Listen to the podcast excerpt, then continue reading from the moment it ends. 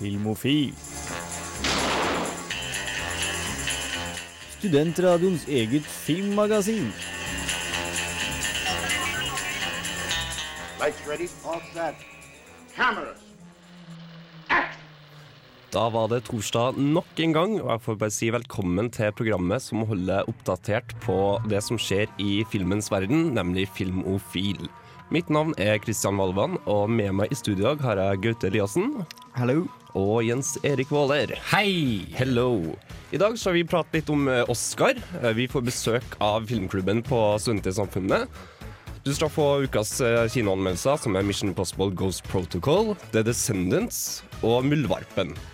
Men vi har selvfølgelig også konkurranse, og dagens spørsmål er veldig, veldig enkelt. Hvem ringer man? Bare hør på låta i bakgrunnen. Tenk litt.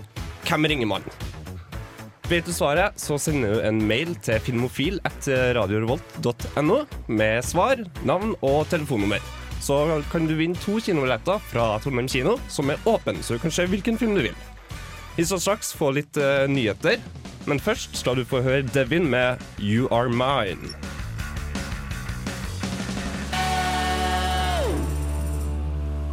Hei, dette er Nikolai Kleve Broch. Eh, Jeg vil bare si, hør på Filmofil, så får du med deg mye bra stoff om film. Der hørte du Devin med Your Mine, og vi går bare rett på Filmnytt. Filmofil gir deg nyhender fra filmen og fjernsynets i spanende vær. Yes! Jens Erik, har du noe spennende? Ja, altså jeg har en liten Ok, jeg syns det er morsomt. Det kan hende at det er noen der ute som ikke syns det er spesielt morsomt, men det får så være. For spedalskhet, det eksisterer tydeligvis fortsatt. Og man har tydeligvis ikke lov til å gjøre narr av spedalske ennå, for det fikk eh, Ardman Animations eh, oppdage denne uka. For de har jo en eh, ny film kommende om ikke så altfor lenge som heter The Pirates, okay. Band of Misfits, som er en sånn stop motion-type film. Hvor en scene i traileren eh, inneholder eh, spedalske, typ i den bibelske sens av ordet, hvor folk mister armer og bein, og de begynner å råtne i ansiktet og alt mulig sånt. Da. På en eh, komisk måte, eller? på en komisk måte, ja. Hvor en, en spedalsk sier at uh, No, we don't have any gold, sir. We're lepers. Watch! Og så trekker han av seg sin egen arm. og jeg syns jo det er morsomt, men nå fins det faktisk um, uh, hva skal jeg si? Uh, det fins en International Federation of Anti-Leprosy Association. Som uh, rett og slett har sagt til Ardman at nei, dere får ikke lov til å gjøre narr av oss med spedalskhet. Fordi uh, dette her, det, det er dårlig, uh, dårlig reklame for oss som har spedalskhet. Det gir oss dårlig rykte. Ja, ok. Ja. Ja, spedalske er onde mennesker. Ja, tydel- tydeligvis. Jeg vet ikke. Altså, jeg, jeg visste ikke at det fortsatt fantes spedalske, men uh, now we know. And, and knowing is half the battle. Yes, Det er sikkert mange som blir glad når de får høre at Lars Saabye Christensen sin roman 'Beatles' skal bli til film. Eh, produksjon, produksjonsselskapet Storm Rosenberg har eh, nemlig fått tildelt nesten 16 millioner kroner til å lage filmen. Det er jo en fin liten sum å starte med. Det er absolutt en fin liten uh, sum å starte med. Eh, boka handler om en gjeng med Beatles-frelste gutter som lever sine unge dager. På 50- og 60- og ikke minst 70-tallet, med Ja, mye dop og musikk. og alt mulig annet rart. 50-tallet ja, Det, går, det, det er mer begynner 70, det. begynner når de er ung og så Ja. går det til de er voksen. Ja, okay. Jeg har ikke lest boka, så jeg skal ikke uttale meg for mye uh, om det. Um, Aksel Hel Helstenius skal stå for adopsjon av boka. Han har tidligere stått for adopsjon av, av f.eks. Døden på Oslo S. Så ja, det kan uh, bli bra. Men eh, altså, ok, du sier at du ikke har lest boka. Jeg har lest boka, og den er jo ganske tjukk. Den er vel en sånn 500-600 sider. Ja. Hvordan skal de liksom Gjør de en sånn Ringenes herre-greie ut av det? Deler de den i tre, eller står det noe om det? Eh, Nei, det gjør de ikke. Eh, men de greide jo med Harry Potter, f.eks. Uh, Ja, men da har du flere bøker. Ja, men eh, fire var jo ganske feit, og det er bare én film. Det er også. Det er også. Så de klarer sikkert å komprimere det. Men eh, man vil jo helst ikke at det skal skje, for man vil jo ha med seg mest mulig av historien. Men er det kanskje ikke på tide at Norge slutter å lage sånn oppvekstfilm? Jeg syns jeg ser det hele tiden. Ja, det er kanskje en trend. Jeg tror det. Ja. Nei, vi får håpe at uh, regissør eh, Joakim Rønning og Espen Sandberg greier jobben. Ja, Gaute. Eh, ja, vi har jo alle hørt om det den uh, to knallis som sitter i fengsla nede i Kongo. Hvem? Kjørstov Moland og Joshua French. Du har ikke hørt om dem, Christian? Nei, hvem er det? Ok, Men det vet du, Jens Erik. Hæ? Du har ikke bodd i en boks. Nei, du vet hvem det. er. Jeg, jeg, vet hvem nok, det er. jeg vet hvem Moland For og det er ikke det som er. er poenget. Jeg skal ikke fortelle dere Nei, hvem, Kjørstad, hvem Moland og French er. Greia er at Friland Film har søkt om penger fra Norsk Filmmuseum til å utvikle et manus. Altså De vil lage en film om de her to eh, guttene. Og det skal baseres på eh, Morten Astrøknes som bok som 'Et mord i Kongo', som heter det. Som, det er jo mye sånn rykter og det her basert på, fordi ingen vet jo hvem som lyver, hvem som snakker sant. Og, og eh, advokaten syns, eh, til eh, Moland French syns det her er både uetisk og for det er masse personlige er ting som ikke vil komme fram. Og mora til Moland eh, sier at sønnen ikke ennå fått vite om filmplanene. Og hun mener selvfølgelig at de burde få økonomisk utbytte hvis de skal lage film om deres historie. Fordi den dagen de slipper ut av fengsel, som hun sier Den dagen de slipper ut av fengsel, sier hun. For hun er sikker på at de dødsdømte fangene kommer til å slippe ut av fengsel. Ja, ja, Virker selv- selvfølgelig. Frem De- som står i denne artikkelen som jeg har lest. Uh, da kommer de til å ha gjeld oppover ørene, så de må ha noe penger når de kommer ut. da. Men uh, ingenting er selvfølgelig enda avgjort. Det er mye som å ja, tenkes Kan, på. kan noen være så snill å gi mora til Kjøstholm Moland en liten reality check? Altså, dødsdømt, det ligger litt i ordet. Ja. Nei, jeg tror det går bra. Ja, helt sikkert. I en sånn alternativ uh, roseverden. Ja. Du skal straks få litt uh, mer nyheter, men først skal vi høre litt musikk. Her skal du få Ceremony med Hysteria.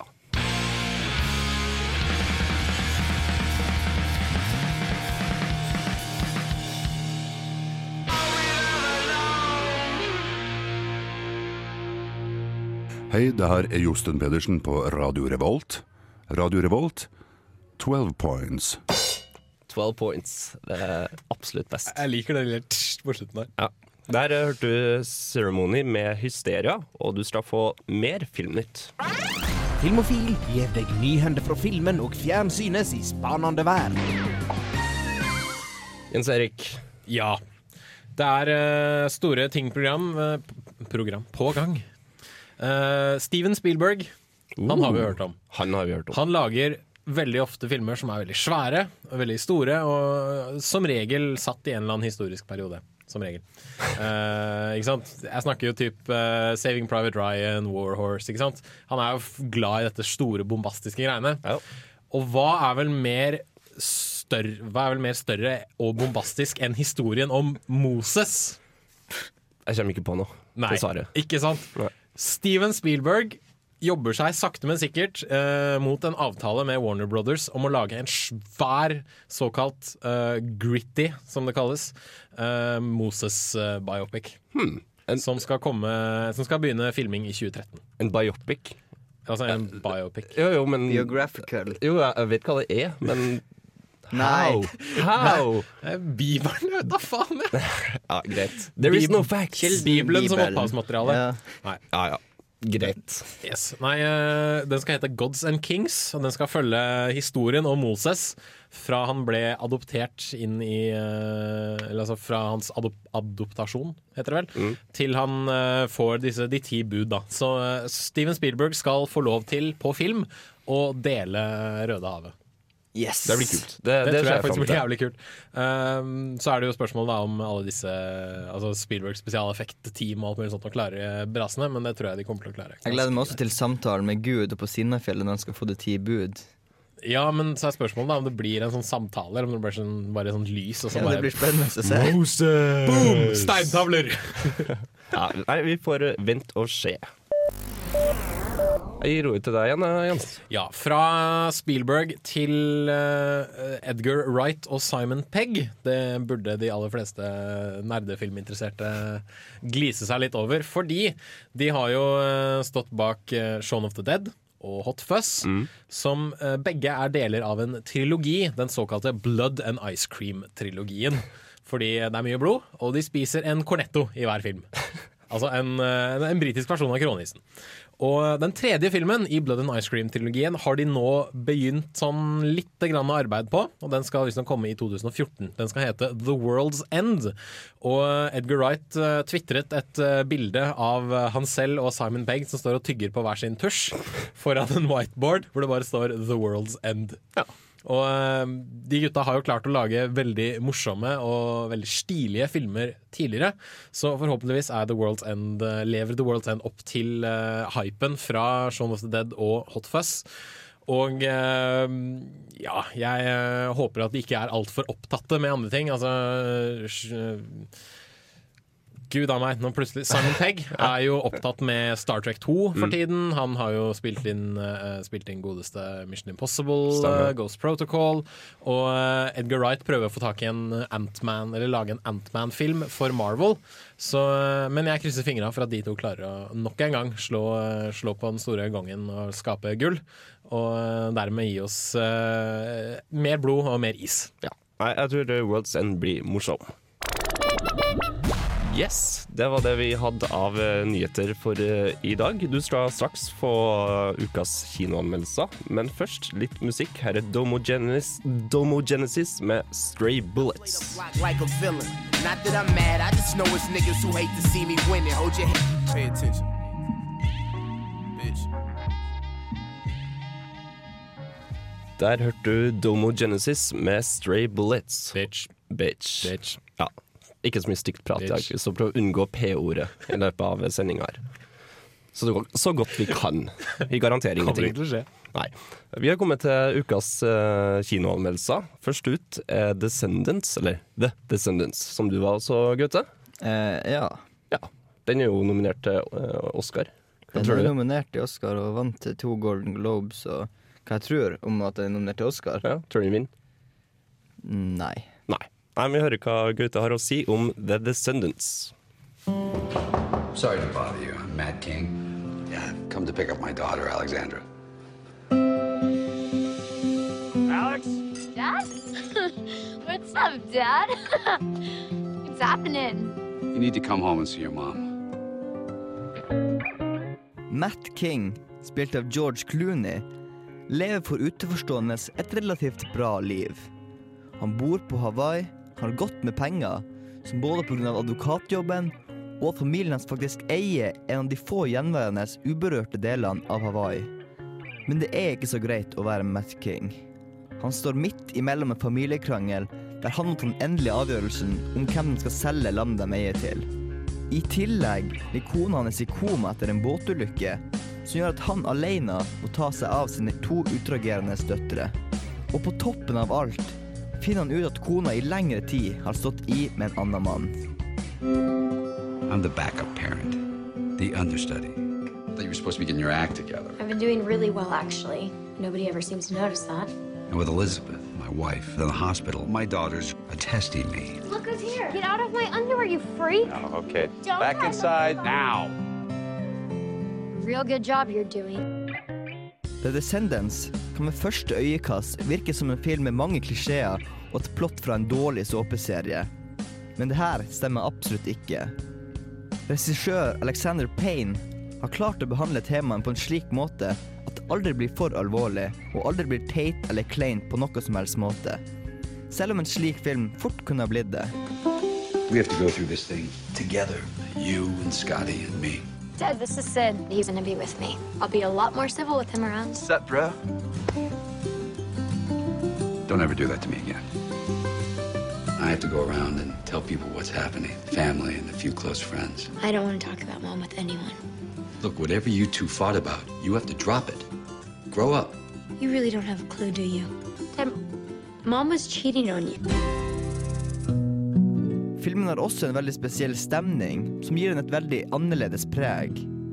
Selv om det er mye krangler og stressende situasjoner, får man likevel den tilbakelente Hawaii-følelsen med strandliv og rolig gitarmusikk. Dette blir en slags kontrast i handlinga, som gjør filmen mer behagelig å følge med på. What you've been going through, that's a tough deal. Just trying to keep my head above water. I'm gonna hit you. Often do old people just haul off and cold cock you like that? The Descendants er en ekte og meget severdig film, med mye god humor spredd mellom alt det triste og alvorlige som skjer. Det at det er en del humor, er kanskje noe av det som gjorde at jeg likte filmen såpass godt. Det er veldig godt med en komisk avbrekk iblant all melankolien. I dramasjangeren er The Descendants virkelig å anbefale. Og Alexander Payne viser nok en gang at han er regissør og manusforfatter med en helt egenartet stemme. Terningkast fem.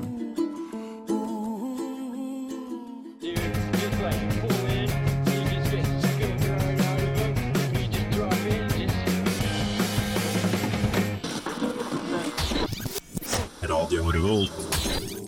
Der hørte du Fiddler med Got No Money, og før det så fikk du høre Gaute Eliassen sin anmeldelse av The Descendants.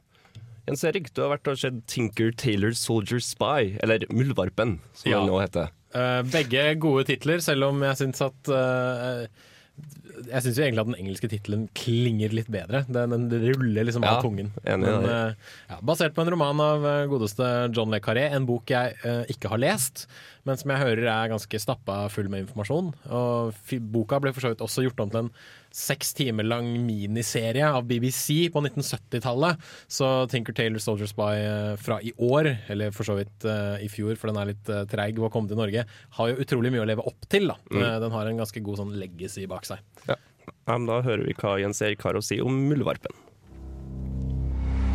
There is a mole right at the top of British intelligence. He's been there for years.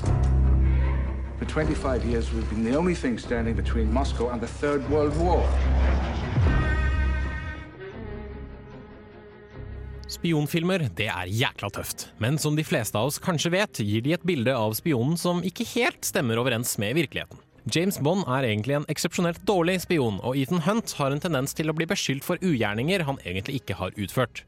Tinker Taylor Soldier Spy, eller Muldvarpen på norsk, viser et mer virkelighetstro portrett av spiontilværelsen. Er det spennende, eller blir det bare kjedelig? All I want from you is one code name Tinker. Taylor. Soldier. Spy.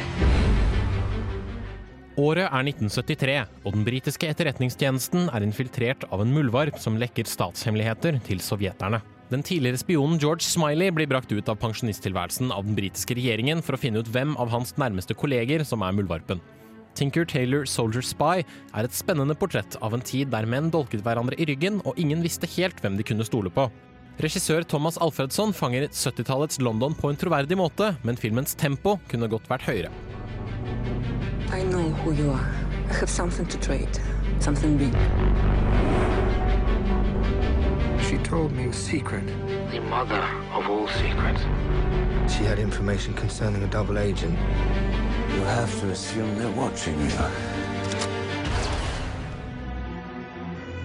Framfor store eksplosjoner, nedlegging av heite damer, mye skyting og kule gadgets, består dette spionlivet av å forhøre vitner, stjele klassifiserte dokumenter, ta i bruk informanter og spille et psykologisk spill med motstanderen.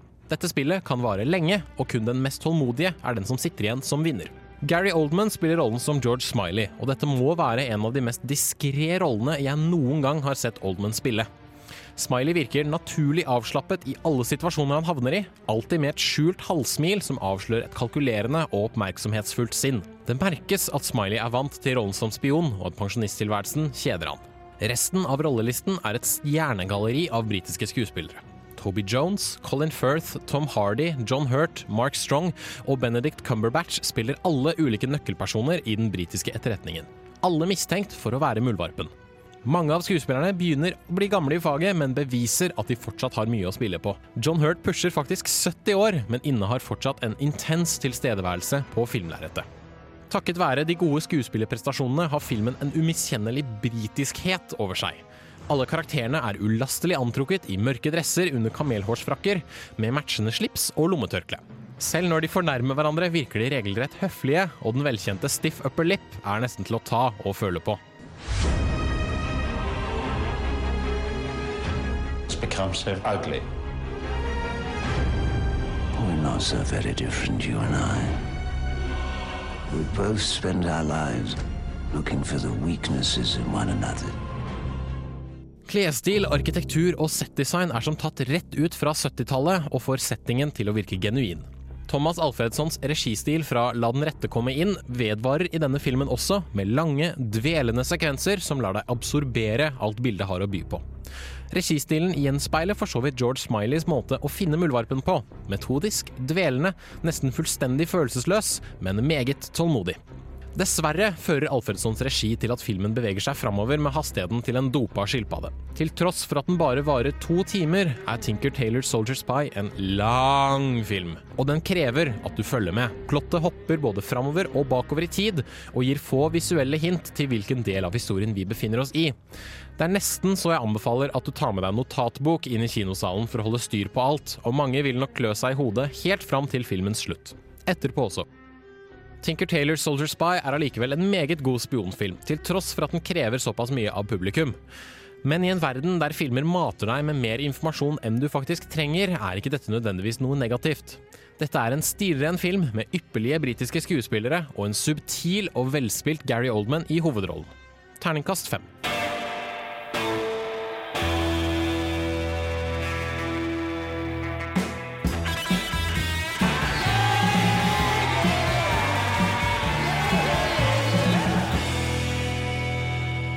Der hørte du Night Beats med 'Puppet on a String', og før det så fikk du høre Jens Erik Vålers sin anmeldelse av 'Tinker Taylor Soldier Spy'. Men fra en mulig Oscar-vinner til et umulig oppdrag har nemlig vært å se Ethan Hunt sitt eh, siste oppdrag på kino. An hour ago, a bomb blew up the Kremlin. The entire IMF has been disavowed. Now I've been ordered to take you to Washington, where they will hang the Kremlin bombing on you and your team, unless you were to escape after assaulting Brandt and me. But if any one of your team is caught, they will be branded terrorists. Super-IMF-agenten Ethan Hunt nok en gang tilbake for å gjøre et umulig oppdrag. Hunt og hans lag blir satt til å infiltrere Kreml i Moskva for å finne dokumenter som kan identifisere en viktig person med kodenavn Cobalt. Oppdraget går fullstendig galt, og hele Kreml sprenges lufta. For å skjule alle spor av IMF bestemmer den amerikanske presidenten seg for å stenge ned byrået, mens skylda for eksplosjonen blir lagt på Ethan og hans team, som gjør alt i sin makt for å bevise IMF, USA og sin egen uskyld i Kreml-eksplosjonen. Four of us are all that remains of the IMF. No safe house, no support or extraction. Everyone connected with this man is an asset with valuable information. We come back with our target, or we don't come back. Det at Ghost Protocol bærer en fane merka med Mission Impossible, gjør at man får visse forventninger til filmen. Og jeg kan si med en gang at få av dem ble oppfylt. Det var selvfølgelig et par skikkelig gode Mission Impossible-øyeblikk, men jeg fikk sjelden den intense Mission Impossible-følelsen jeg husker fra den første filmen. Det at oppdraget i denne filmen ikke virka helt umulig, satte også en demper på opplevelsen. This operation's over before it even begins. Would you care to explain yourself, Brandt? Who are you really? We all have our secrets. Don't we, Ethan? Denne fjerde filmen i Mission Impossible-serien tar en litt ny vri. Med Simon Pegg som en av agentene på Ethan sitt lag, byr filmen på en dash komikk. Noe som jeg synes ødela litt av seriøsiteten ved serien. Det må likevel sies at humoren var vittig, dog ikke veldig original. Men Simon Pegg gjorde en god jobb, og Tom Cruise fikk nok en gang vise at han er verdens beste skuespiller. Til å springe som bare faen.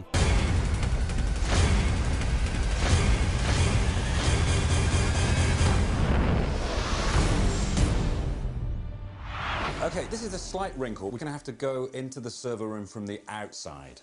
We? I'm, I'm on the computer. Det som kanskje irriterte meg mest med Ghost Protocol, var bruken av musikalske innslag. Det var som om filmen konstant prøvde å fortelle meg hvordan inntrykk hver scene skulle gi meg. Nå er det spennende. Nå er det trist. Nå er det masse action!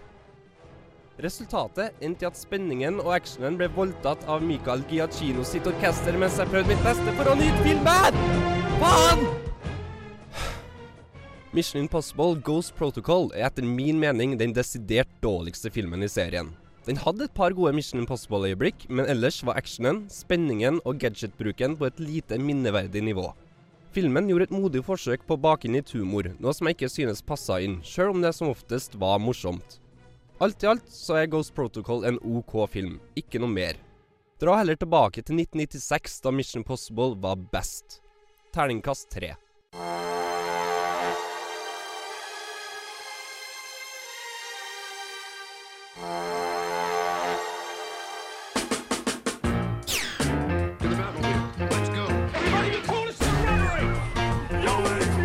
Dette er Filmofil.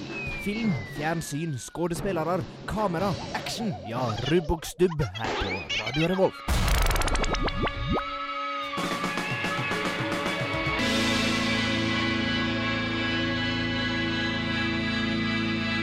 Der hørte du Scarlett Chives med The Horror, og før det fikk du høre Stand High Patrol med The Entertainer. Eller Entertainer heter den vel. Og før det igjen så fikk du høre min anmeldelse av eh, Mission Impossible Ghost Protocol. Nå har vi kommet til spalten som er vår lekestue, nemlig ukas filmlåt. Play it once, Sam. Det er jo alltid å ha musikk når den er påtent. Helst noe indisk eller pakistansk. Ukas filmlåt. Og Jens Erik, i dag skal vi få svar på det ultimate spørsmålet. Skal vi det? Er det indisk eller pakistansk? Det er indisk. Ja. Jeg eh, leta litt rundt i eh, Ok, jeg kan ikke si at jeg lette litt rundt i filmarkivet mitt, men jeg, eh, i og med at vi snakket forrige uke om at nei, vi trenger å spille noe indisk eller pakistansk i Ukas filmlåtspalten, da tenkte jeg ja, hva kjenner jeg til av indisk eller pakistansk film? Jo, veldig lite, sier jeg til deg. Så eh, jeg gikk til eh, Altså jeg studerer jo filmvitenskap på, på NTNU her i Trondheim. Så jeg gikk til eh, en forelesning jeg hadde for ca. to år siden, der vi snakket nettopp om asiatisk og eh, indisk film. da. Og da ble det til eh, det tre og en halv time lange eposet Lagan, som handler om eh, India under, altså som britisk koloni, da, og hvordan en eh, liten landsby med indere utfordrer den britiske stormakten til en cricket-turnering. Og eh, som seg hør og bør i en indisk film, så synges det om det meste.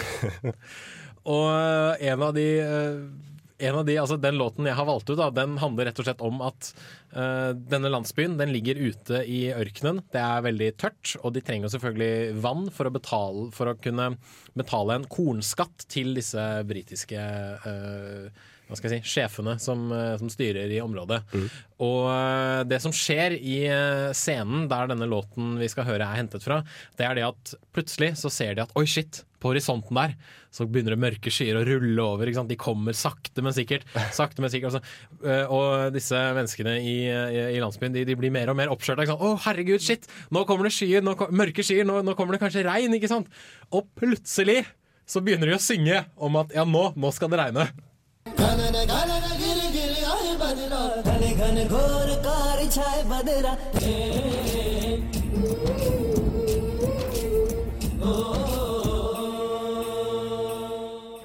Hei, jeg er eh, Agnes Kittelsen, Og jeg er Aksel Henning, og det er viktig at eh, dere hører på Filmofil. filmofil. Det er veldig viktig. Der fikk du høre Ala Raka Raman med Ganan Ganan, som Jens Erik hadde tatt med som ukas filmlåt. Takk for det, Jens Erik. Jo, bare hyggelig. Det var veldig hyggelig. Nå skal vi ta og prate litt om eh, Oscar-nominasjonene. Ja, det er jo den store, store, store filmnyheten denne uka. Men eh, jeg føler det, må settes litt stemning, så derfor eh, ønsker jeg å nå kanalisere The Spirit of Sigurd Vik fra for ca. et år siden. Oscar, Oscar, Oscar, Oscar, Oscar, Oscar! Nominasjon! Hæ? Hva snakka du om, Jens Erik? Akkurat det. Oscar-nominasjon, ja. Oscar-nominasjon. De har kommet. De har kommet, det har de. Og det er det vi skal prate om også. Hvor, eh, hvor begynner man? Oh, Begynner på topp er- eller bunn eller midt i eller på sida. Man må vel nesten begynne med, nest, med beste film. Nesten Best film. picture. Nesten film. Nesten film. Nei. Oi. Åh, Uff, uff, uff. hva nå? Eh, Best Picture. Uh, ni nominasjoner denne gangen, ikke ti. Nei. Oscar-akademiet har uh, blanda sammen reglene sine igjen, og nå valgt at nei, vi skal ha mellom, mellom fem eller ti. Vi skal ikke ha fem eller ti. Vi skal ha mellom et eller annet sted. Da. Og Der er det ikke så veldig mange overraskelser, egentlig, sånn med hele Oscar-ballet, som regel. Mm. The Artist. Trygt valg. The Descendants, trygt valg. Extremely Loud and Incredibly Close, som eh, handler om eh, 9-11 sett gjennom øynene til en tolv år gammel autist. Veldig trygt valg. Eh, The Help. Ekstremt trygt valg, fordi den handler om eh, rasekonflikter og sånt nå. Vet. Derfor, eh, derfor er det kontroversielt, eller derfor er det lurt å gi den en Oscar-nominasjon. Hugo fra Martin Scorsese. Uh, Visstnok en meget god film. 'Midnight in Paris', trygt valg. 'Moneyball', trygt valg. 'The Tree of Life', ekstremt trygt valg. Og ikke minst 'Warhorse', trygt valg. Alle trygge valg. Så absolutt. Jeg har faktisk ikke sett en eneste en av de filmene der. Ikke jeg. Du har jo sett The Descendants. Men eh, sånn er det. Det er jo mange av filmene som ikke kommer til Norge også ennå. Ja, så vi har jo ikke hatt mulighet til å se alle. Og sorry. uh. vi, videre, eh, skuespiller, altså hov, hovedskuespiller, eller actor in a leading role. eh, samme, samme røkla igjen. The Descendants, The Artists, The Artist, Moneyball. eh, Gary Oldman får en nominasjon for Tinker Tailor Soldier Spy. Uh, Demian Bishir får, for rollen sin i A Better Life, en film vi ikke har sett, tror jeg. Nei. Og deretter går det stort sett igjen, da. Det er Moneyball, det er Extremely Loud and Incredibly Close. Uh, Rooney Mara får en, en Oscar-nominasjon for sin rolle i uh, The Girl with the Dragon Tattoo. Uh, absolutt fortjent, syns jeg. Og etter hvert så er det mer The Help. the, Melissa McCarthy for Bridesmaids har faktisk fått en Oscar-nominasjon. Det er litt rart. Det er eneste sånn rare ting, syns jeg. Sånn, hun er tjukk sånn, Jeg vet ikke. Hun er bare Hun feite Comic Relief. Ja. Ja. Så det er liksom, det er liksom rart i en Oscar-nominasjon til det. Til en fet person? Nei, ikke Team Sier du at Oscar-akademiet ikke skal gi Jonah Oscar Hill har også fått en Oscar-nominasjon. Han er jo tynn nå. Han er ikke så tynn. Han var feit han var feit i Moneyball, det skal han ha, men han er blitt tynn nå. Nei, men uh, det jeg lurer på, er hvor er Drive? hvor, hvor er er, Drive? Shame? Hvor er eh, Og ikke minst, jeg, altså, hvor er Tintin i Enig. beste animerte enig. film? Ok, Jeg var ikke så veldig begeistra for Tintin, men uh, av de nominerte så har vi En katt i Paris. Den har vi sett. Uh, Ramaskrik. Christian. Den, ja, jo, absolutt. Uh, Chico og Rita den har jeg ikke sett. Det handler om uh, New Orleans-jazzen. Kung Fu Panda 2. Den likte jo du veldig godt. Den, har jeg, den liker jeg veldig godt. Men Puss in Boots, altså Shrek-spin-offen Tja det, men Rango er for så vidt et godt valg. Det var Ja. en eh, god film. men, men heller Tintin enn Pus i støvler. Absolutt. Men som du sa, det, det blir kanskje ikke regna som animasjon fordi de bruker sånne drakter med masse lys på som Ja, eh, er fanger også. Men det er jo allikevel en, en form for animasjon, kanskje? Jeg. Jeg vil si at det er en form for animasjon, så jeg syns Tintin burde ha vært der. Jeg liker også det faktum at eh, Man or Muppet fra The Muppets-filmen eh, har fått en Oscar-nominasjon for Best Original Song. Eh, kult. Den filmen kommer ikke til, eh, til eh, Norge på kino. Dessverre. Men eh, ja jo, vi får vel se den på DVD en gang. Og så, da, til eh, eh, Og ikke minst, hvor er Rise of the Planet of the Apes? Hvor er Veldig eh, veldig. Andy Serkis sin Oscar-nominasjon der? Hvor skulle Eh, Rise of the Planet of the Apes puttes inn, da? Best, Det- eh, det jo- best performance in a supporting role, eventuelt leading role. Hvem da? James Franco. Tom Felton? Nei, han eh, Andy Serkis. Hva han spilte for noe? Han spilte jo den apekatten. Han Spiller han apa? Han Ja. spiller Caesar. Følger du ikke med, eller? Jeg trodde det var bare en animert ape. Jeg vet vel faen ikke. Men, ok, eh, Han skulle få en rolle for å spille en ape, som eneste replikken er no. Ja, Ok. for det er jo en fengslende Fuck det, er, det er en fengslende performance, som det heter, syns jeg, da, selv om man ikke sier så veldig mye. Uh, aller sist så vil, virker det som om Oscar-akademiet har uh, sluppet sin, uh, sin forutinntatthet mot fantasy og sci-fi, fordi Harry Potter and The Deathly Hallows del 2 eh, Real Steel, Rise of the Planet of the Apes og Transformers 3, av alle ting, har fått, Oscar har fått Oscar-nominasjoner for beste visuelle effekter. Men superheltfilmene Thor og Captain America og disse som faktisk hadde kule spesialeffekter, ingenting. Før vi avslutter helt med Oscar-greia, så vil jeg ta opp et par sånne, litt sånn fun facts. Oh, eh, Oscar om- fun facts, ja, det liker jeg. Oscar-historie. 'Ringens herre atter en konge' for eksempel, er den eneste filmen som har en 100 win rate. Den ble nominert for hva, hva var det? Elleve. Og vant alle. Og vant alle. Hmm. Det er Ikke verst. ganske godt gjort. Ikke verst. Så det. Men uh, vi skal straks til Videonytt, men først skal vi få litt musikk. Her er Lasera med 'Please Be My Third Eye'.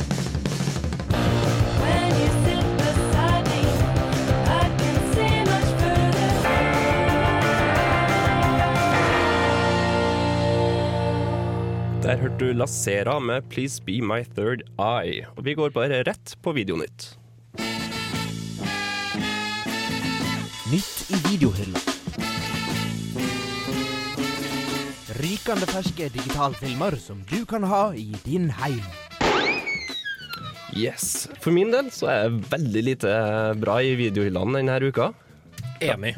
Dessverre, altså. Det er, jeg kan anbefale Brazil på Blu-ray regissert av godeste Terry Gilliam, som eh, er en ganske hjerteskjærende til syvende og sist historie om en fyr som eh, bor i et helvete av et byråkrati, hvor han stadig drømmer seg vekk til, til andre ting. Anbefales.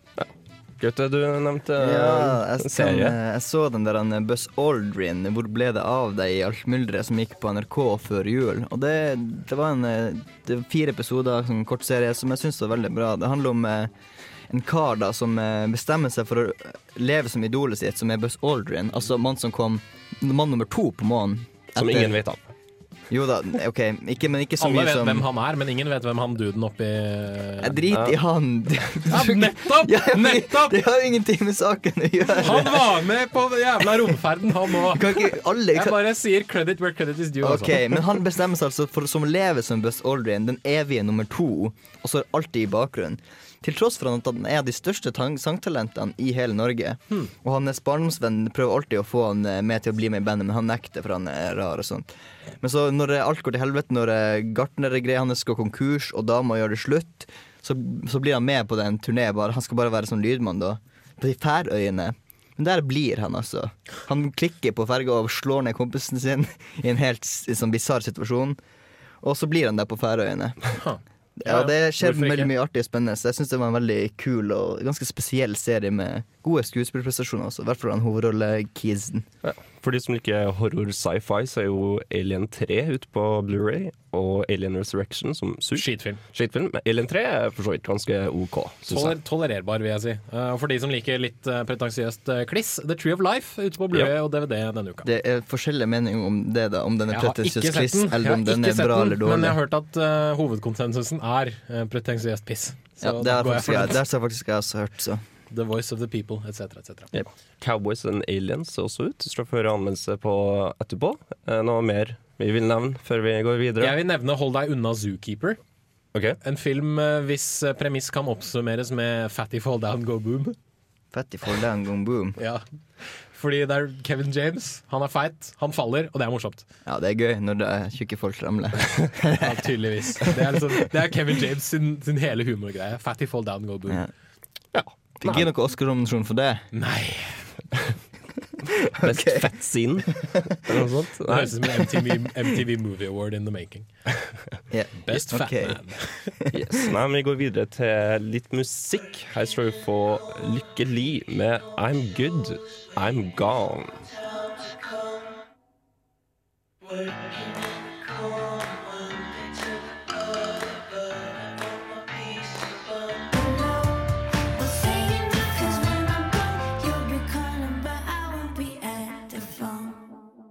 Velkommen tilbake. Der fikk du høre Lykke Li med I'm Good, I'm Gone. Eh, vi nevnte i stad Alien 3, og det er for så vidt en David Fincher-film. Det er det, vet du. Det Det hadde jeg helt glemt. på, egentlig. Han, øh, veldig mange gode regissører har sine kan dessverre ha sin start i litt sånn halvgode filmer. Ja, jeg syns den var ganske OK. Men det, det er veldig lenge siden sånn, så jeg kan at jeg har en annen oppfatning av en er sånn igjen. Vi nevnte også at eh, Cowboys and Aliens drar ut på, eller er ute på Blu-ray og DVD, så her skal du få anmeldelsen av den. I woke up in the desert. Like I've been dropped out of the sky. You got a name? I don't know. Året er 1873. I Arizonas øde villmark våkner Jake Lonergan, skada og med hukommelsestap. Han vet ikke hvem han er, hvorfor han er der, eller hva som har skjedd. Det eneste som er knytta til hans fortid, er et armbånd han har på seg. I need to know where you came from. So do I. You don't remember anything. Lonergan kommer seg til den lille gruvebyen Absolution, en by som er drevet av den frykta diktatoren Woodrow Dollarhide, som har uferdig oppgjør med Jake Lonergan. Men hevn må fort legges til side når byen blir angrepet av utenomjordiske skrapninger. Dollarhide, Lonergan og byens modige danner et oppbud mot de uønska gjestene, og med hvert sitt motiv rir de sammen om seier. What in the hell were those things? Why are you asking me? They've got my son. My wife. I need that weapon. It's the only thing that counts. Cowboys and Aliens er en film som kombinerer to av de feteste entitetene i filmens verden. Cowboyer av den ville vesten og sinte skapninger fra en annen planet med en agenda om å utslette menneskeheten. Problemet er bare det at det føltes veldig gimmicky ut. Man kunne like godt bytte ut cowboyene med moderne militærstyrker, og filmen hadde vært mer eller mindre den samme. Grab your guns. We're right now. Med en film som Cowboys and Aliens så forventer man klassisk western action og heftig sci-fi alien action. Men regissør John Favreau, mannen bak bl.a. Iron Man og Iron Man 2, leverer dessverre bedre på sci-fi-fronten enn han gjør på western-fronten. Jo da, som en actionfilm så er det her helt greit, og mange checkboxer har blitt kryssa ut. Heftige eksplosjoner, hevn, klisjeer, snappy kommentarer, romanse på sida, rivaler som sammen må kjempe for å overvinne en større trussel i jakten på identitet. Det meste er her, og det er to underholdende timer. Men jeg savna litt flere western-element, og jeg lurer fortsatt på hvem som hadde vunnet en pistolduell mellom menneske og alien. At Cowboys and Aliens, en film det er lagt mange gullmynter i, er det ikke tvil om. Både Steven Spielberg, Daniel Craig, Harrison Ford, Olivia Wilde og Sam Rockwell er alle navn som signerer denne filmen, og de utfører den jobben de skal. Skuespillerbesetninga gjør en god jobb i å fylle godt skrevne roller, og det var ekstra morsomt å se Harrison Ford som den frykta Woodrow Dollarhide. Alt i alt så var dette en underholdende actionfilm, men med en twist som kunne ha blitt bedre utnytta. Hvis du vil se en god western, se True Grit eller The Good, The Bad and The Ugly. Hvis du vil ha en fet sci-fi, se Independence Day. Hvis du vil ha en skikkelig god western sci-fi, se serien Firefly. Men hvis du vil ha en underholdende actionfilm med en original vri, så kan du godt se Cowboys and Aliens, men vit at de er best hver for seg. Terningkast fire.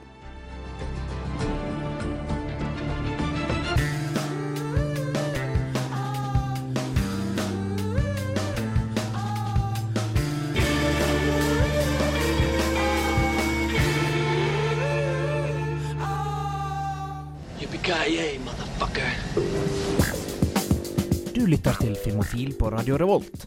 Besøk oss gjerne på våre nettsider på radiorevolt.no filmofil. Der finner du meldinger av kino- og videopremierer, og i tillegg podkast av alle våre sendinger.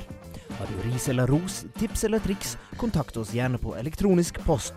Filmofil, krusedullalfa, radiorevolt.no.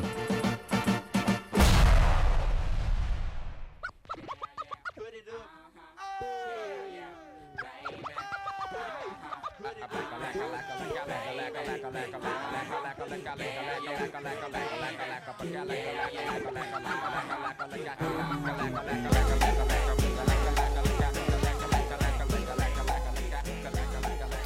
hørte du Outcast med Rosa Parks, og før det fikk du høre Claxons med Golden Scans. Med K. Ja, med, ja, med K, så om det er Skans eller Scans, uvisst. De er britiske, så jeg tror det er scans. Ja, da sier vi Scans. Bedre viter. Vi har fått eh, besøk fra Jørgen Årnes fra Filmklubben på Samfunnet. Velkommen. Takk for det. Du, kan ikke du ta og fortelle våre kjære lyttere om Filmklubben? Hva er Filmklubben for noe? Jo, Filmklubben er jo et tilbud på Studentersamfunnet for alle, både medlemmer og ikke-medlemmer av samfunnet, til å komme stort sett på søndager og se kino i Storsalen. Eller og til og med enkelte tirsdager der vi viser film på Knaus eller Klubben. Og Der eh, har vi et bredt utvalg av filmer, både for superentusiasten, kanskje et par, og for de som vil ha en litt mer lettbeint eh, kosefilm på, på søndagen. Mm. Hva, hva koster det å være med i Filmklubben? Ja, du- Eller koster noe i det hele tatt? Ja, det koster 60 kroner å bli medlem av filmklubben. Mm. Og det er et sånn medlemskap som faktisk fungerer på alle filmklubber i landet. Og jeg kan skryte på det at vi selger det 15 kroner billigere enn Cinemateket i Trondheim. Så gå på Samfunnet og kjøp eh, filmklubbmedlemskap. ja. Og så er det da 30 kroner for billett når du har medlemskap. Eventuelt for de som har lyst til å gå på mange filmer, kan kjøpe megamedlemskap. Da får du alle filmene hele semesteret for 200 kroner. Ja, det er jo veldig, veldig kjekt. Du nevnte også et tilbud med hvis man var på Lykke og spiste middag. Ja, det er en sånn ny søndagsdeal som vi prøver litt fram nå. Det er at hvis du kjøper middag på Lykke på søndag, så får du med en kinobillett. Men dette forutsetter jo at du har medlemskapet, da. Men da er det bare å ta med deg middagen opp i storsalen. Ta med deg en pils òg hvis du vil det, og sett deg ned og slappe av. Det høres jo veldig veldig kos ut. Det der tror jeg må bli den perfekte søndagskvelden. Altså. Ja, det, det vil jeg tro. søren. Det skal jeg begynne å gjøre nå. Altså. Det, det hørtes bra ut. Men eh, dere har jo nye filmer hvert semester. Og så, hvordan går dere fram når dere skal velge filmene som skal vises? Det er en ganske intensiv prosess, eller krangel om du vil, der vi først har utallige forslag til filmer som folk har sett de siste årene og er utrolig glad i. Og så setter vi oss ned en gjeng på ni personer og skal diskutere oss fram til alle de filmene vi har. Og altså, det tar i hvert fall én eller to fulle dager bare det å stemme over disse. Så blir det jo min oppgave som filmklubbleder å lete de opp og faktisk se om de fins. Og det er ikke alltid. Så da blir det noen eh, reservegrep fra min side og sjefsbeslutninger på de siste filmene som faller bort. Ja, For dere har vel ikke digital, eh, digital visning, har dere det? Nei, ikke per dags dato, men det jobber vi faktisk med og håper å få på plass eh, innen sommeren nå, sånn at kanskje neste semester så blir det fullt digitalt eh, i storsalen. Ja. Det er kjekt. Vi skal få høre litt mer om filmene som skal vises på Samfunnet ganske snart, men først skal vi få høre litt musikk. Her er Jimmy Hendrix med 'Crosstown Traffic'.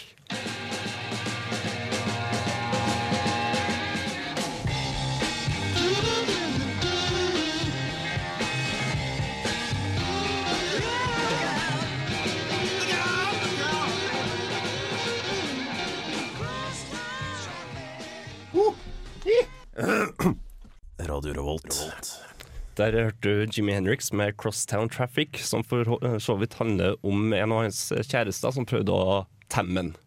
Og hans ville liv. Og det gikk ikke? Det tviler jeg på. Jeg tror Han ikke det, døde altså. av sitt eget spy. Ja. Kan du Gjorde han virkelig det? OK, da. Greit. Da konkluderer vi med at det ikke funka. Vi har fortsatt uh, Jørgen Årnes fra Filmklubben på Samfunnet med oss. Vi skal prate litt om eh, filmer som eh, blir vist det semesteret her. Har du noen spesielle filmer som du vil eh, trekke fram? Ja, jeg vil jo trekke Hvor fram begynner man egentlig? ja, godt uh, poeng. Men allerede neste søndag så har vi jo en film som er ganske omdiskutert. Den du enten er veldig glad i eller ikke liker i det hele tatt. Og det er 'Dancer in the Dark' til Lars von Trier med Bjørk i hovedrollen.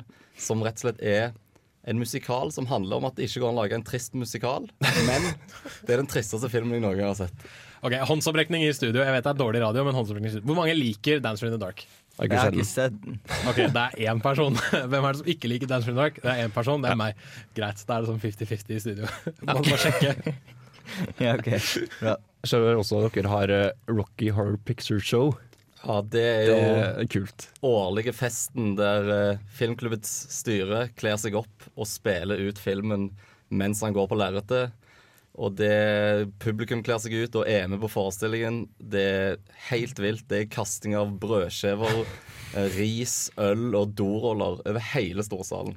Jeg kan nevne at eh, jeg, jeg tror det var under min første visning av Rocky Horror Picture Show, fikk en pølse i ansiktet som ble slengt over storsalen av en av de andre, en av de andre som satt og så filmen. Det var en merkelig opplevelse. Det er litt av skjermen. Jeg tror aldri jeg har fått en wienerpølse i ansiktet når jeg har sittet og sett film før. Nei, men til vanlig har du fått det? I- sånn- Ja, hele tida. Ja, Folk kaster pølser til meg hele tiden. Ja. Det er bra. Eneste filmen som er, faktisk har skjedd på en liste her, det er jo litt skammelig, er Pushwagner. Det er- Har du ikke sett Rocky 4? Jeg har ikke det. What? Nei, jeg har ikke det. Nei, nå, Sorry. Christian, nå må du ta tak i deg sjøl. Du må dra på hver søndag nå og se Ja.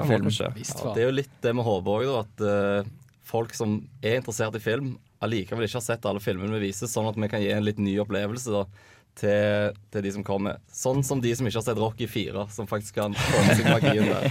Jeg forstår det sånn at dere skulle få besøk av regissørene bak Pushwagner. Ja, det er med de to eh, kommer opp eh, den søndagen og skal snakke litt i forkant av filmen. Om eh, å lage film, om hvordan de måtte gå fram. Og så ser vi jo selvfølgelig Pushwagner-filmen etterpå. Så det gleder vi oss veldig til. En litt spesiell anledning der. Ja, Dere får ikke besøk av Pushwagner sjøl, da. Det gjør vi ikke. Det spørs om vi hadde klart å temme han til å komme inn på samfunnet av egen vilje. Ja. En andre, andre filmer som du vil få folk til å se? Ja, Uka etter Pushwagner så har vi den fantastiske Mikkel Rev, som er en utrolig feel good og lettbeint film. Flott animasjon og veldig vittig humor. Så den tror jeg veldig mange kan ha glede av, altså. Ja. Ja, Det virker jo som dere fortsetter mye av det samme hva skal jeg si, balansearbeidet fra forrige semester. At det er en seriøs film, og så er det kanskje en ikke fullt så seriøs film, og så er det en seriøs film til, og så er det en ikke fullt så seriøs film uh, deretter. Jeg tror faktisk det er ganske bra, for jeg vet ikke om jeg orker å se eh, Andrej Rublov og uh, for eksempel da Incendies rett etter hverandre. Jeg tror det er sånn at uansett hvor glad du er i film, så blir du manisk deprimert om du bare skal se f.eks. en Von Trier-filmer. Så det er viktig å bryte opp og lette litt på stemningen. Det er det. Ja, eh, jeg vil også bare trekke fram Doctor New York, som er en Charlie Kaufman-film. Han er en av mine favorittregissører, for eksempel, han står bak Being John Malkovich og Eternal Sunshine and Spotless Mind, som er en veldig, veldig veldig spesiell film som virkelig får deg til å tenke. For ikke å snakke om Adaptation, som han, ja, eh, Adaptation hvor han også. skrev seg sjøl inn i Mm. en film som handler om hvordan han skriver et Ja, Ah, det blir, det blir vanskelig.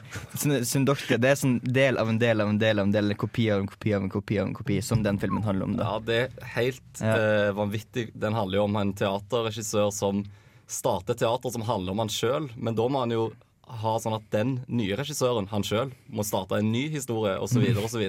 Og det er så spesielt med de filmene til Kaufmann, er jo Handlingen er så spesiell, og han drar deg inn på en helt annen måte enn andre filmer. Det er ikke effekter og og action og den slags som, som skaper handling. Det er rett og slett et utrolig godt manus, for han skriver jo alle disse filmene sjøl.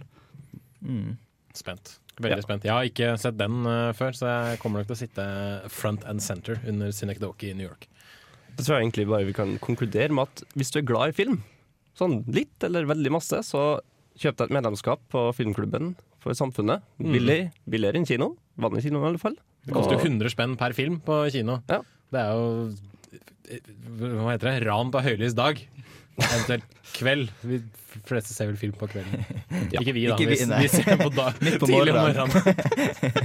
yes. Nei, men da sier vi tusen takk til deg, Jørgen, for at du ville komme innom og dele eh, film, filmklubben med oss. Vårprogrammet er det vel? Vårprogrammet. Takk for at jeg fikk komme. Ja, det er bare hyggelig. Nå skal vi få litt musikk. Her er Nicolas Jar med 'With Just One Glance'.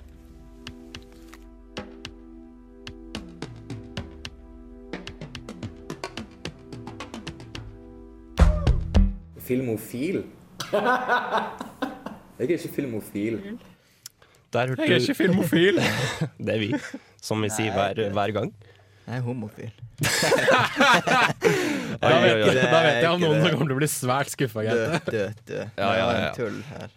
I alle fall, der hørte du Nicolas Jahr med 'With Just One Glance'. Uh, nå skal vi prate litt om en serie som hadde premiere i går. Stemmer det. Yeah. På Lillehammer. Som vi har snakka ganske mye om, faktisk. Lillehammer. Den har jo Lillehammer. fått alt fra toere til femmere på terningen av eh, eh, diverse pressekorps. Og ja, mange kaller det vel den, den norske Sopranos. Det er jeg vel egentlig ikke helt enig i, men det handler eh, i bunn og grunn om en uh, gangster med navn Frank Tagliano, som eh, holder til i New York, som uh, eh, rett og slett tyster på sjefene sine om å gå inn i et sånt vitnebeskyttelsesprogram. Og han bestemmer seg for å reise til Norge. Fordi han eh, ble veldig fascinert av OL på Lillehammer. Da. Så han spør ja, kan jeg få flytte til Lillehammer. Ja, det er helt greit. Så får han en ny identitet som Giovanni Henriksen. Med, Henriksen. Som, Henriksen, ja, med norsk far. Eh, og så må han flytte til, til Lillehammer, da. Og der møter han en, en, en rekke eksentriske, merkelige personer, som, som seg hør og bør. Det blir litt som en blanding av eh, Hvis du tar Little Steven sin karakter eh, fra Sopranos og bare putter han inn i Fargo, så, blir det liksom, så får du et godt bilde av hvordan, liksom, hva, hva serien går ut på. da Men hva er målet til han eh, hovedkarakteren i Norge? Nei, han, han har vel strengt tatt ikke noe mål. Han ville bare flytte til Norge. Og så, så kommer han på Nav, selvfølgelig, som alle gjør. Og så sier han det at nei, han vil åpne en bar. Fordi det gjorde han tidligere da, i New York. Han vil åpne en bar. Og så sier han det at eh, Så får han beskjed om det på Nav. At nei, åpne en bar, det, det tar lang tid, og det kan du ikke gjøre noe med. Så prøver han å bestikke Nav-fyren, da, selvfølgelig. Men uh, i Norge, ikke sant? fordi vi er så uh, jævla Moralsk. moralske, så tar han selvfølgelig ikke imot bestikkelser på Nav. Um, og så ender jo selvfølgelig den første episoden med at uh, han driver med utpressing mot fyren på Nav. Fordi han klarer å bryte seg inn i hytta hans, hvor han finner noen pornobilder da, med, med jenter som visstnok er under den seksuelle lavalder. Og da Så bestikker han fyren eh, på Nav til å gi han eh, lisens til å, til å få åpne en bar. Og så kjøper han en bar da, av en fyr som, som, som bor der. Jeg fikk ikke sett den i går, men jeg syns det høres skikkelig fett ut. Jeg. Altså, serien er veldig sånn at for, for, oss nordmenn så er det en sånn type serie hvor vi kan uh, sitte og le av kulturforskjeller mellom mm. oss selv og USA. Hvor vi kan sitte og liksom Ha-ha, se vi nordmenn er litt teite, vi. Ha-ha. Vi kan være litt selvironiske. Uh, for amerikanerne så er det mer sånn Those wacky Scandinavians and their socialism. Men uh, er, er, det her en miniserie, eller er det sesongbasert? Det varer vel i en syv episoder, eh, tror jeg. Ja. Så ja, jeg hører at ting tar seg litt mer opp da i andre episoden. Første episoden så må jo alt etableres. Må, settingen må finne sted, og du må etablere de ulike karakterene. Mm. Du har jo uh, the love interest, du har uh, de to fyrene som blir sånn sidekicks til, ja. til hovedpersonen. Spilt for øvrig av Steinar Sagen og Trond Trond Fausa Aurevåg, tror jeg han heter. Um, han som spilte i Den brysomme mannen. Og De er sånne fyllikfolk uh, som mener at uh, Nav, Nav, er ikke akkurat liksom The Playboy Channel. Og, ja.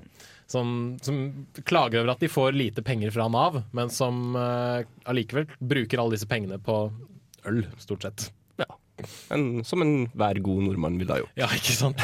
Altså, den, den, gjør litt narr av, av, oss nordmenn, og jo, koselig nok det, men uh, foreløpig ble jeg liksom ikke kjempe, kjempeimponert. Da. Så det blir, en, det blir, en, litt sterk treer til uh, Lillehammer, i hvert fall fra min Du gir den terningkast også, på første episode? Jeg gir den terningkast på første episode. Ja. Hvis uh, det norske anmelderkorpset får lov til å gi den terningkast basert på tre episoder, så kan jeg gjøre det på én. Men i hvert fall, ok da, terningkast sterk tre til første episoden kan vi i hvert fall si, da. Ja. Uh, så får vi se litt hvordan det, hvordan det, går med serien etter hvert. Jeg tror jeg skal, jeg skal følge litt med og se, se, hva som skjer. Ja. Vi skal straks uh, prate litt mer om serier. Vi skal nemlig over til ukas serieanbefaling. Men først får musikk. Leila. Og låta heter parentes 'Disappointed Cloud', parentes slutt. Anyway. Kjør på.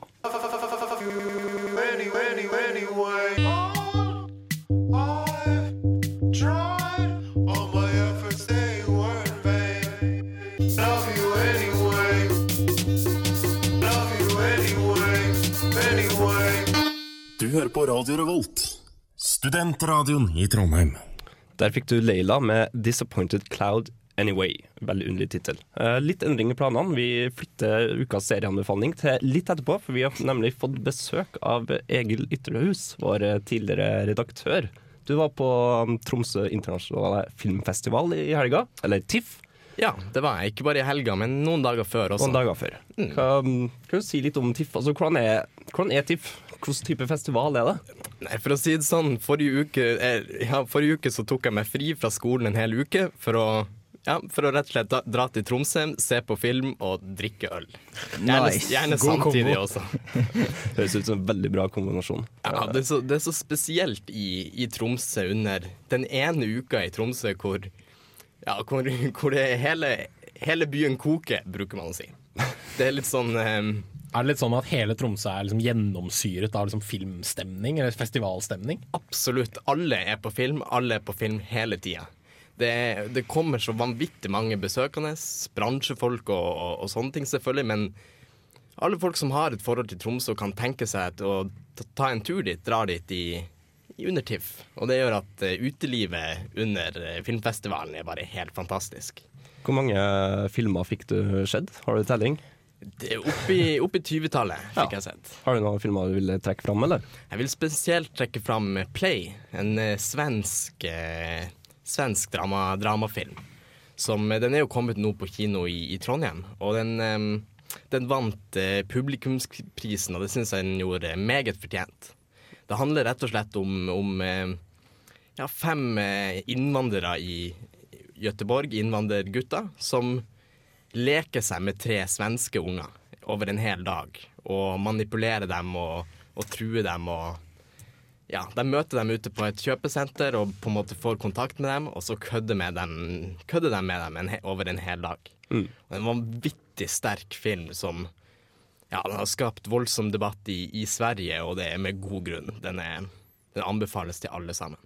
Kanskje vi ser den på Kosmorama om et uh, par måneder, hvis den går litt sånn festivalsirkel. Ja, og hos, er det noe spesielt tema ved TIFF? Det i, um, I år var det en, en spesiell eh, linje med filmer om, eh, om Midtøsten og opprørene der. Mm. Eh, jeg så bare én av de filmene, men det, var, det var ganske mange av dem som, som portretterte opprørene i Egypt, i, i Tunisia osv. Og, Mm. og hva som har skjedd etterpå og sånn.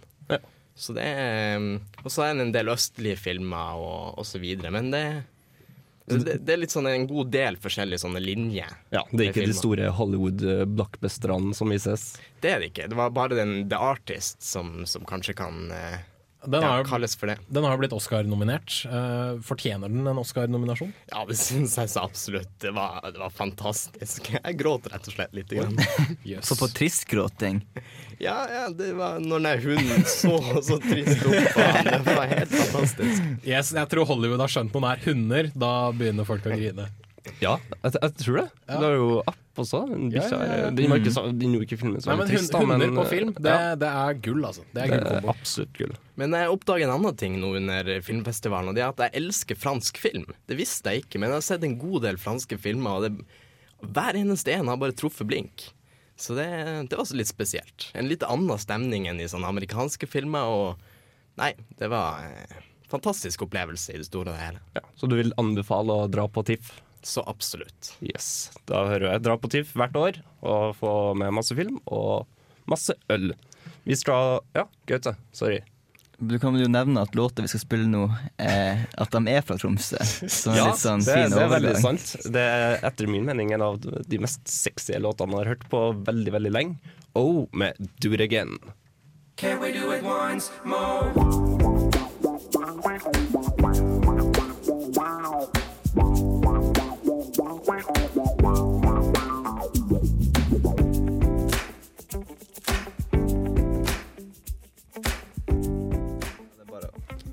Yes, der hørte du Oh med Do It Again. Og nå, endelig, har vi Jens Erik digge til låta. Sorry, Er vi ferdig? Eh, Ja, men den var meget sexy. Ja, det er veldig sexy. Men nå, endelig har vi kommet til vår relativt nye spalte, Ukas serie. Jens Ja. Erik, du, du har med den i dag. Ja, det stemmer. Altså, Forrige uke så snakka jo du om eh, denne Homeland. Homeland ja. Mm. Og eh, jeg skal ta det i en helt annen retning. Mm. Vi går fra intens uh, virkelighetstriller uh, ut i verdensrommet til uh, western møter sci-fi. Jeg tror jeg vet hvor du skal hen. Cowboys and Islands. Det, nei, det er en film. Ja. uh, og en tegneserie, men ikke en TV-serie. Men uh, oppmerksomhetsfulle lyttere og folk som er litt nerder, sånn som meg, skjønner sikkert at jeg selvfølgelig snakker om TV-serien Firefly. Yes. Stemmer, stemmer. Uh, hvor skal jeg egentlig begynne med Firefly? Hva handler den om? Ja, det er det, ikke sant? Det handler om at i en uh, ja, nær og fjern fremtid, holdt jeg på å si, ca. 500 år framover i tid, så har jordas ressurser blitt brukt opp, og menneskeheten har reist ut i verdensrommet for å skape seg nye hjem. Og eh, man, og da, ble, skapte, oi, da vokste det etter hvert ut en allianse av såkalte sentrale planeter, som heter The Alliance, som uh, ville at alle skulle forene seg under dem. da. Uh, Men så var det selvfølgelig en eh, borgerkrig, fordi det var noen som var separatister, som mente at nei, enhver planet skal få lov til å styre seg selv. Vi skal ikke ha et sånt hovedstyre, da. Uh, borgerkrigen ble vunnet av The Alliance. Og eh, de som eh, da var eh, separatister, de begynte å leve litt sånn på, på kanten av loven da, og, prøvde å finne sin egen vei i, i livet. Og litt på kanten av loven lever kaptein Mal Reynolds, som var en av disse separatistene, en såkalt brown coat, fordi de gikk i lange, brune sånn western duster-frakker, som er dritkule. Han er kaptein på skipet eh, Serenity, som er av Firefly-klassen, derav navnet på TV-serien, og leder en eh, broket forsamling med ulike eh, mannskapsmedlemmer gjennom verdensrommet på ulike oppdrag som noen ganger er lovlige, og noen ganger er ikke lovlige. Ja, for det er vel egentlig også det hele serien handler om? Bare deres Ja, er- ferd gjennom verdensrommet? Deres ferd gjennom verdensrommet, og hvordan, øh, hvordan ulike planeter har øh, taklet denne liksom, hvordan, hvordan det er å leve under The Alliance. Fordi du har disse sentrale planetene. Der bor det veldig mye rikfolk. Det er folk som øh, klarer seg øh, veldig godt. Men så har du da på, liksom, i ytterkantene av verdensrommet så øh, er det nesten som en, som en slags westernfilm, da, hvor folk bor i liksom, slitte ørkener. Det er veldig mye sånne brutte settlements eh, overalt. Og folk eh, styrer ikke seg selv like sentralt som eh, i liksom, The Central Planets eh, i alliansen. Og um, det er rett og slett det det handler om. En, den reisen gjennom eh, galaksen og eh, hvordan de forholder seg til de ulike stedene de kommer til, og hvordan eh, Alliance påvirker levesettet der inne. Og selvfølgelig så er det jo personligheter som krasjer i hverandre, og eh, heltene våre, våre må jo selvfølgelig gjøre diverse valg som kanskje eller kanskje ikke er moralsk riktige. da. Mm. Det, det jeg liker veldig godt med serien, at den har sånn, hver episode har på en måte sin egen fil. Noen episoder er skumle, mens andre er skikkelig spennende. Noen er litt mer dramatisk, noen er litt mer Stemmer. komisk. stemmer. Um, andre episoden i serien handler jo om uh, Altså Det er jo en, et togrøveri.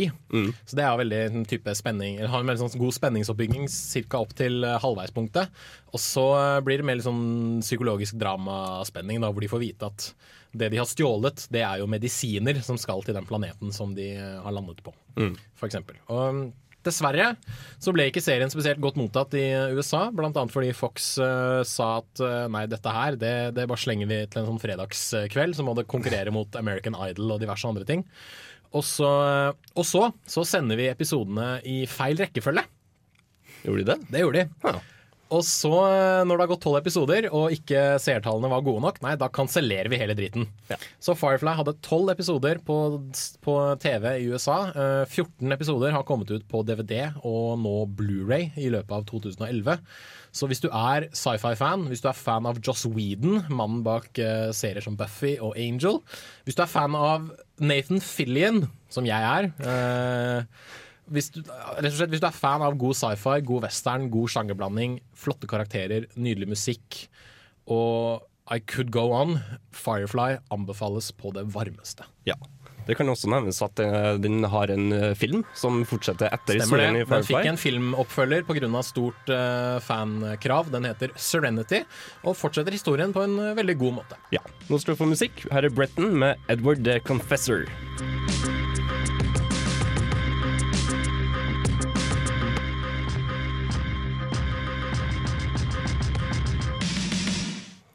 Yes. Filmofil begynner dessverre å gå mot eh, slutten, så vi må selvfølgelig nevne ukas konkurranse.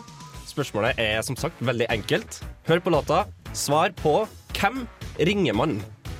Hvem ringer man? Vet du svaret, så send eh, svaret til Radio Revolt Nei, sorry, Filmofil at radiorevolt.no med navn, telefonnummer og svar. Jens Erik. Kan jeg ringe en venn Hæ? For hva? og be om svaret? Nei, du får ikke ringe en venn. Eh, og så hadde vi jo en konkurranse forrige uke også. Yeah, uh, hva var konkurransen, gutter? Jeg spilte litt musikk fra filmen There Will Be Blood, og jeg lurte på uh, hvem som hadde skrevet den musikken, og hvilket verdenskjent band han kisen også spiller i. Ok, Og svaret var? Svaret var Johnny Greenwood, som spiller i Radiohead. Yes, og da må vi jo ha en eh, vinner. Får vi en trommevirvel? Ja, så skal jeg trekke en. Ok, nå trekker jeg en lapp, og på den lappen står det en D for Didrik L... LF. Ja. Ellefsen! Ellefsen, ja, det var det Didrik jeg tenkte. Ellefsen, Didrik gratulerer. Ellefsen, gratulerer. Du har vunnet to åpne kinobilletter til Trondheim kino. Trondheim kino. Yes. Da kan du se hvilken som helst film du vil. Ja. Så må vi Yes. kanskje ta og oppsummere litt. Vi har vært på kino og sett, eh, har sett eh, Mission Impossible, Ghost Protocol, og ga den en eh, treer. Jeg kan fortsatt ikke skjønne hvordan du klarer å gi den en treer, men nesten alle anmeldelser jeg har lest, Ja, har gitt den en femmer eller Så bedre. folk er forskjellige, og Kristian er litt ekstra spesiell. Ja, det er faen meg sikkert, altså. Takk for det. Gaute, hva var det du sa? Eh, The Descendants. Og du ga den en, Femmer. en femmer. Josh Clooney. Josh Clooney.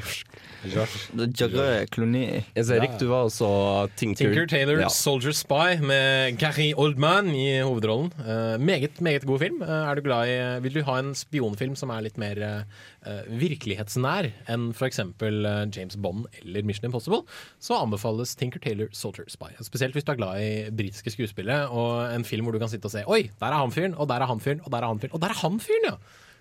Og du ga den en hva var det? Femmer. En femmer. Yes. Eh, du kan finne våre anmeldelser på radiorevolt.no slash filmofil. Du kan også laste ned våre podkaster. Du kan gå på stream on demand vår, som er høyre på hjemmesida. Ja. Det er en svær, feit sånn mappe med playtegn på. Det er veldig vanskelig å ikke se. Ja.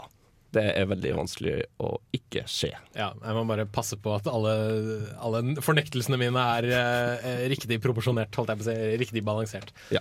Etter oss så kan du høre uillustrert eh, vitenskap, så ikke forlat eh, radioen din. Vi må også selvfølgelig takke vår eh, kjære tekniker Rune Stana, som har gjort en fantastisk god jobb i dag. Som alltid. Som alltid. Har jeg glemt noe? Jens? Lik oss på Facebook. Lik oss på Facebook, gjør det. Der poster vi også i ny og ne div filmting. Ja, trailere og linker til anmeldelsene våre, og bare sånne ting som vi syns er kult ting som vi syns er kult. Nå skal vi avslutte med LSD, I Will.